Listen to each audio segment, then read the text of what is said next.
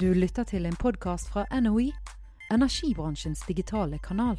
Norges vassdrags- og energidirektorat, eller NVE som det ofte kalles, arrangerte nylig Norges energidager, der mer enn 500 deltakere fra en bred energibransje møttes på to intensive konferansedager. Jeg heter Skjul Kristian Aamodt og er gründer og utviklingsdirektør i NRV, energibransjens digitale kanal. Sammen med mine kolleger Ovidia Eriksen og Anders Li Brenna deltok jeg med live podkast på Norges energidager. I tillegg gjorde vi også mange intervjuer i pausene. Hensikten med denne podkastepisoden er å løfte frem utfordringene og mulighetene i en bred energibransje. Energibransjens ukeslutt presenteres av ledige stillinger på NOE.no. Anne Vera Skrivarhaug er avdelingsleder i NVE. Er energibransjen flink nok til å kommunisere, eller har bransjen en vei å gå? Man blir jo litt navlebeskuende, eh, og man blir jo på en måte en sekt i seg selv. Som ser store, det store rasjonale i alt det som gjøres. Um, mens de på utsiden syns nok at vi er Vi bruker en terminologi de ikke kjenner seg igjen i. Vi bruker også samfunnsøkonomiske begrunnelser de kanskje ikke kjenner seg helt igjen i. Eller som de ikke føler de får del av. Altså godene når vi sier at en utenlandskabel skal Hvis den er samfunnsøkonomisk eh, lønnsom, så skal den bygges. Det blir veldig vagt for, den, for sluttbrukerne, rett og slett. Hva betyr det for dem? Eh, betyr det høyere nettleie for de, men det tjener samfunnet. Eh, hvordan får de del i den gevinsten? Selv om energibransjen kanskje har en vei å gå når det gjelder det å kommunisere med folk flest, så skaper i hvert fall strømprisene en heftig debatt. Det er jo litt fascinerende, fordi egentlig så er jo ikke strømprisen i Norge til sluttbrukerne er jo egentlig veldig lav sammenlignet med resten av Europa. Men likevel så skaper dette her engasjement der ute. Og folk er jo villige nesten til å fryse seg, eller, ja, fryse seg i hjel når debatten går i medium at nå går prisene opp. Og det er snakk om et par tusenlapper i året. Det er ikke mer enn det. ikke sant? Det er innkjøpet til, eh, til uka. Men allikevel så, så, skaper det stort engasjement.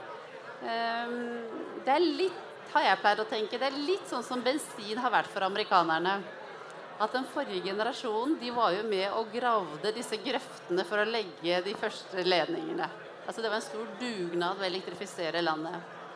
Og det at vi da skal liksom ta oss betalt, som de vurderer, for å eksportere kraften til utlandet, den klarer de ikke å henge med på.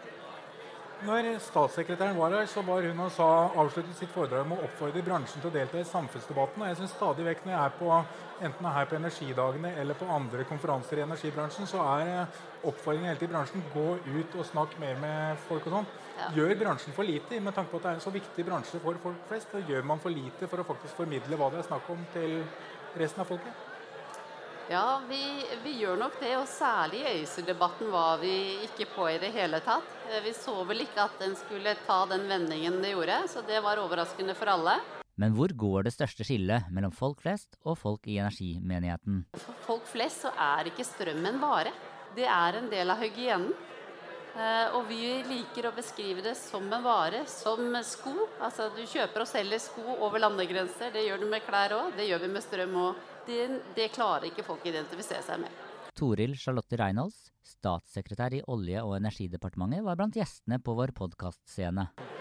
Uh, vil strømprisene for sluttbrukere bli høyere eller lavere med mer uh, import-eksport av strøm? Nå viser jo uh, analyser at det kanskje vil bli noe høyere, i hvert fall på kort sikt. Jeg håper jo at det jevner seg ut, at det blir på ca. samme nivå som, som nå. Men vi får se. Hva tenker du om det at fokus i energisaker i media som oftest handler om klima og miljø, og egentlig ikke om energi? Det trenger jo ikke nødvendigvis å være to forskjellige ting, men det er jo klart at klima har et kjempefokus om dagen. Når du får sånne rapporter som kom forrige mandag, f.eks., for så er det jo ikke rart at klima får hovedfokuset, og at vi må jobbe med å ha mer miljøvennlig eh, energiproduksjon, f.eks. Jeg tror ikke bare Norges, men verdens energibehov er ganske underkommunisert i debatten. Det er faktisk en grunn til at vi produserer energi. Det er fordi folk etterspør det og trenger det. Ikke bare i Norge, men i hele verden. Og det er klart at Den etterspørselen må jo møtes på en måte. Og jeg er veldig stolt av at Norge eksporterer energi til resten av verden. Eh, energi som bidrar til at utslipp går ned i deler av verden, fordi de f.eks. drives på kull. Men det, det, med at utslippene går ned, eh, hva kan Norge gjøre for å bidra til at eh, vi setter så lite karbonavtrykk som mulig? Vi gjør jo veldig mye allerede. Sant? Norge er jo ganske fornybar. Som vi, 70% av vår energibruk totalt er jo fornybar. Eh, vi gjør jo ting også i olje- og gassbransjen. Vi fanger CO2 og lagrer det. Noen steder har vi begynt allerede. Nå har vi to forprosjekt som skal i gang neste år. En, transportsektoren vår Se hvor mange elbiler vi har i Norge sammenlignet med andre land. Vi er jo verdensledende på elbilandel. Vi har busser på el, vi har tog på el. Vi har hydrogen har du på veiene våre. Jeg hadde en elbil. Nå har jeg ikke egen bil frem og tilbake til jobb lenger. Når jeg flyttet til Oslo, så da trengte jeg ikke det, men jeg hadde elbil. Det funket veldig fint. Energibransjens ukeslutt presenteres av ledige stillinger på NOE.no. Og der var vi godt inne i debatten om klima og miljø. Verdens energimarked er altså i endring.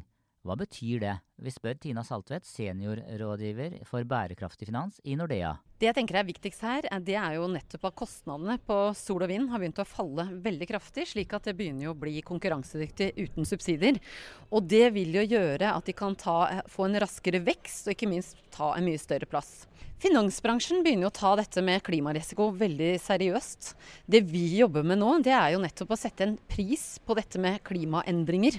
Så det som skjer nå, er jo rett og slett at selskapene etter hvert vil få en form for rangering eller en form for uh, rating på hvor miljøvennlig det er. Og så vil det selvfølgelig miljø- og klimavennlig, og så vil det selvfølgelig påvirke da etter hvert prisen på finansiering. Altså hvor mye koster det å få et lån, eller får man lån i det hele tatt. Og de aller største klimasynderne er slett ikke sikkert de får tilgang på finansiering til nye, nye prosjekter. Olje- og gasselskapet Statoil byttet navn til Equinor og jobber nå for å bli et bredt energiselskap. Pål Eitreim er konserndirektør for New Energy Solutions i Equinor. Hva betyr endringene i energimarkedet og fornybarrevolusjonen for et selskap som Equinor? Nei, Det betyr uh, nye spennende muligheter for oss som uh, selskap. Vi har uh, brukt snart 50 år på å bygge grunnleggende energikompetanse som vi ser at vi kan anvende òg innenfor fornybarområdet. Så for oss er det først og fremst en stor forretningsmulighet. Tina Saltvedt nevnte sol og vind. Vi spør Pål Eitreim om hvilken rolle flytende havvind kommer til å spille for Equinor i tiden fremover. Vi tror at dette er noe som som kommer til å bli en viktig del av eh, fornybarbildet i årene som, eh, som kommer. Det finnes eh, ganske mange land som har store havressurser, men det er på djupt vann, der vi ikke når fram med, med bunnfaste havvindmøller. Og vi tror at flytende i land som Japan, på kysten av USA og i andre land, kommer til å være veldig attraktivt framover. Men hva betyr det for norsk industri? Nei, altså Jeg tror jo norske leverandører er usedvanlig godt posisjonert for å være med på den fornybarreisen som kommer nå. Særlig innenfor offshore vind så har de komparative fortrinn som få andre. De har eh, lang erfaring fra en av de tøffeste offshoreprovinsene i verden, og de har høy kompetanse. De har god HMS-kultur og de har sterk gjennomføringsevne. Dette er egenskaper som eh, fornybarsegmentet òg vil ha veldig godt av. Så her tror jeg det er store muligheter òg for norske leverandører å hevde seg i konkurransen. Men hvor i dette landskapet befinner Statnett seg? Hva er Statnett sin rolle i energibransjen? Vi tok en prat med Aukeland, konsernsjef i Statnett. Vi sørger for at det er 24-7 strøm, og holder et system i balanse. Et system hvor det er mye fornybar kraft som kommer inn, og hvor det er mange forbrukere som vil ha strøm. Så er kraftsystemet i, i stor endring. Hva er det som endres? Iallfall to store endringer. Eh, vi ser at det har blitt veldig attraktivt å bygge vindmøller og produsere strøm ved hjelp av vind. Og så ser vi en stor interesse på forbruksside å bruke strøm f.eks. i datalagra.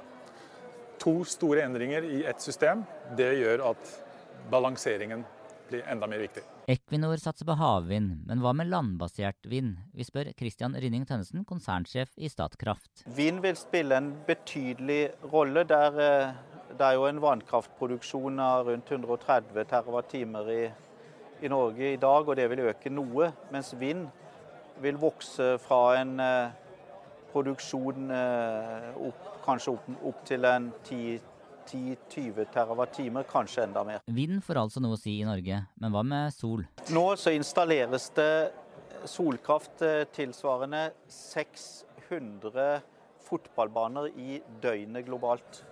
Eh, og da med Norge, hvilken rolle vil solkraft eller solenergi spille i Norge fremover? Norge ligger såpass langt nord og langt fra ekvator at hos oss er det lønnsomt hvis man godtar litt lav avkastning å montere dette på bygg. Så vi vil ha eh, betydelige mengder solkraft på hustak og forretningsbygg. Men Eh, I nærmeste årene så vil vi ikke få bakkemonterte anlegg. De, det vil bli for dyrt å konkurrere med vann- og vindkraften rett inn på høyspentnettet. Så er kanskje vind og sol noe som ikke berører deg spesifikt, men strømregningen den bryr du deg om. Du har kanskje hørt om effekttariffer, eller det som noen kaller rushtidsprising på strøm. Vi spurte seniorrådgiver Velei Munch i NVE om hun kunne forklare hva effekttariffer er. Det er jo sånn at uh, det er nettkundene som betaler for uh, bruken av nettet gjennom nettleie. Um, og effekttariffer det er en måte å utforme nettleia på som er annerledes enn i dag. I dag så betaler vi stort sett for uh, energi, altså hvor mange kilowattimer vi bruker. Mens med effekttariffer så vil vi i større grad betale for hvor mye energi vi bruker på én gang. Altså hvor mye forbruket ditt belaster nettet. Og det mener vi bedre reflekterer hvordan kostnadene i nettet oppstår. Eh, hvorfor mener NVE at det er fornuftig å innføre effekttariffer? Og det er ganske enkelt fordi vi ikke ønsker at nettleia skal bli eh, høyere enn nødvendig. Vi står framfor store endringer. Eh, både når det gjelder elektrifisering og endringer i forbruk og produksjon. Det innebærer at vi eh, bør endre måten nettleia blir utforma på, for å gi kundene insentiv til å eh, fordele forbruket mer utover i tid. Og Hva betyr det for den enkelte strømkunde? For de aller fleste kundene så vil totalregninga bli omtrent den samme som før. Det er klart at de som bruker mye strøm på en gang, kan oppleve å få litt høyere nettleie hvis de ikke gjør tilpasninger. Eh, mens kunder som klarer å endre på forbruket sitt, vil kunne få en billigere nettleie. Og totalen vil jo gå ned for alle, fordi at nettselskapene da kan utnytte det nettet vi har i dag bedre. Eh, og dermed unngå eller utsette nettinvesteringer. Men er folk flest interessert i å endre på forbruksmønsteret sitt? Vi spurte Hanne Sele, som er forsker i Sintef Energi. De har nylig gjennomført en undersøkelse rundt dette. Halvparten vil gjerne dele på strømmen, hvis, da, hvis det gjør at eh, andre i nettet kan få strømmen tilbake etter et avbrudd, f.eks. Og en større andel òg er da seks av ti interessert i at man kan fjernstyre forbruk, gitt at man ikke F.eks. koble ut varmtvannstanken hvis man ikke får kaldt vann. Sånn at det er et muligheter der, både for manuell styring, fjernstyring eller òg en dugnadsånd å dele på strømmen. Det er også andre større endringer på gang. Det forteller Gøril Forborg, som er forretningsutvikler i Trønder Energi. For det vi ser da er jo at eh, løsninger som solcelleteknologi, batterier, hydrogen, eh, vind blir jo stadig billigere. Sånn at det blir jo stadig billigere å forsyne folk med lokalt produsert energi. Det at små øysamfunn eh, kan bli selvforsynt med strøm eller energi, er ikke det negativt for selskap som Trønder Energi, som lever litt av å, å tilby strøm? Eh, nei, tvert imot egentlig. Det er jo ikke noe veien for at vi kan tilby strøm eh, der. Det handler jo om hvor man eier eh, energiproduserende enheter. Det. Så det er jo ikke en fremmed tanke for Trønderenergi å kunne investere i å eie en f.eks. en småskala vindturbin eller en solcelle som forsyner en befolkning ute på Nøy. Energibransjens ukeslutt presenteres av ledige stillinger på NOE.no. Hva tenker så Ståle Gjersvold, konsernsjefen i Trønder Energi, om sol? Hvilken rolle vil sol få i fremtidens energimarked i Norge? Eh, eh, jeg tror ikke sol isolert sett vil få så veldig stor rolle, men sammen med integrerte bygningsløsninger så tror jeg det at det vil være en del av løsninga for at eh, bygg i fremtida, og om ikke så mange år, skal være energinøytrale. Det vil si det ikke trenger tilført energi sånn netto i løpet av et år. Da vil sol, eh, enten integrert i bygninga eller sol på taket, være en viktig del av det. Alle disse endringene krever store investeringer, forteller Auke Lont, konsernsjef i Statnett. Så Framover vil eh, veldig mye gå til IKT-systemer. altså Systemer som setter oss i stand til å fange opp informasjon rundt hva som skjer på produksjon og på forbrukssiden slik at vi kan gjøre den jobben med å balansere. Det er ikke bare Statnett som investerer i IKT-systemer, forteller Kimberley Line Mathisen, administrerende direktør i Microsoft Norge. Thinking about Agder Energi and the platform they're building together with Nordpool called Nodes, another really interesting and very different platform that's being built that has an ambition to be a marketplace for distributed flexible energy, perhaps all around Europe and maybe broader. Vi ber Edvard Lauan, Business Area Director i Agder Energi om å forklare nærmere. Nodes er en uh, markedsplass, rett og slett. Uh, tilsvarende det Nordpol er på energi, så er Nodes en markedsplass for uh, endring av forbruk og produksjon. For at vi kan være fleksible og redusere forbruk når det er for lite plass i nettet. Litt enkelt sagt. Tilbake til eh, podkastscenen og statssekretær Toril Charlotte Reynolds. Ja. Så har vi fått hjelp av analysebyrået Embrain til å se på når, når eh, mediene skriver om vannkraft, eh, sammenlignet med sol og vind. Ja. Når man skriver om sol og vind, så er, det, så er det med på å bygge omdømmet til bransjen. Positivt fortegn. Når avisene skriver om vannkraft, så er det ikke med på det. Og det er litt sånn spesielt at vannkraft havner ofte på nøytralt i mediebildet. Hva kan kraftselskapene og energiforetakene gjøre for å løfte fram vannkraften, sånn at det blir positive saker, og ikke bare nøytrale? Jeg tror vi først må minne befolkningen om hvor stor andel av strømforbruket vårt som kommer fra vannkraft, og at det har gjort det i 100 år. Vi er så fornybare som vi er pga. vannkraften, og ikke noe annet. Så det er viktig å minne folk på det. Og så kan det jo faktisk være en idé å vise frem kraftverkene som er rundt omkring. For jeg tror nok at den striden som er mellom eh, kraftverk og natur, eh, og det at mange mener at det er motsetninger, kanskje ikke er helt reell. Og hvis folk får et bilde av hvordan kraftverkene ser ut i naturen, så vil man kanskje tenke litt annerledes på det. Eh, kommunikasjonssjefen i Skagerrak Energi, Torbjørn Omnes, skrev et blogginnlegg hos oss der han sa at han ofte ble møtt med spørsmålet hvorfor ikke Skagerrak Energi kan satse på fornybart. Er vannkraftens rolle i det, i det grønne skiftet eh, underkommunisert? Absolutt. Hvis, hvis, folk ikke har fått det med seg, så er det jo det. Og da må jo ikke bare vi fortsette å kommunisere det, men også hele kraftbransjen. Det er klart at dette er jo fornybart. Dette er det som gjør at Norge har vært en energinasjon i 100 år. Så da har vi en jobb å gjøre. Energibransjens ukeslutt presenteres av ledige stillinger på NOE.no. Denne podkastepisoden har i hovedsak omhandlet fornybart, men i en bred energibransje er også olje og gass fortsatt en viktig del av bildet. Det tyske oljeselskapet DEA eh, betalte i fjor like mye skatt som det det koster å holde 13 000 barnehageplasser gående et helt år. Eh, I hvilken eh, grad mener du at folk flest forstår hvor mye verdier energibransjen tilfører AS Norge eller velferdssamfunnet vårt? Jeg tror de fleste er klar over hvor store pengeverdier det er som f.eks. kommer inn i statsbudsjettet, men jeg tror mange overvurderer hvor lett det kan byttes ut med noe annet. At vi kan få de samme inntektene på et helt annet vis. Jeg tror det er urealistisk. Så vi må nok også være litt flinkere på å fortelle hvor viktig inntektene er for Norge som velferdsstat. Eh, hvor vanskelig det ville være å skaffe de samme inntektene på en annen måte. Vi var tidligere innom Pål Eitreim, som leder Equinor New Energy Solutions. Altså Olje og gass kommer til å være en viktig del av verdens energiforsyning i mange mange år eh, framover. Så det som er den viktigste jobben på den sida, er å produsere eh, hydrokarbonressursene med så lave CO2-avtrykk som mulig. Og i dag ligger vi under halvparten av verdensgjennomsnittet på eh, CO2-sida.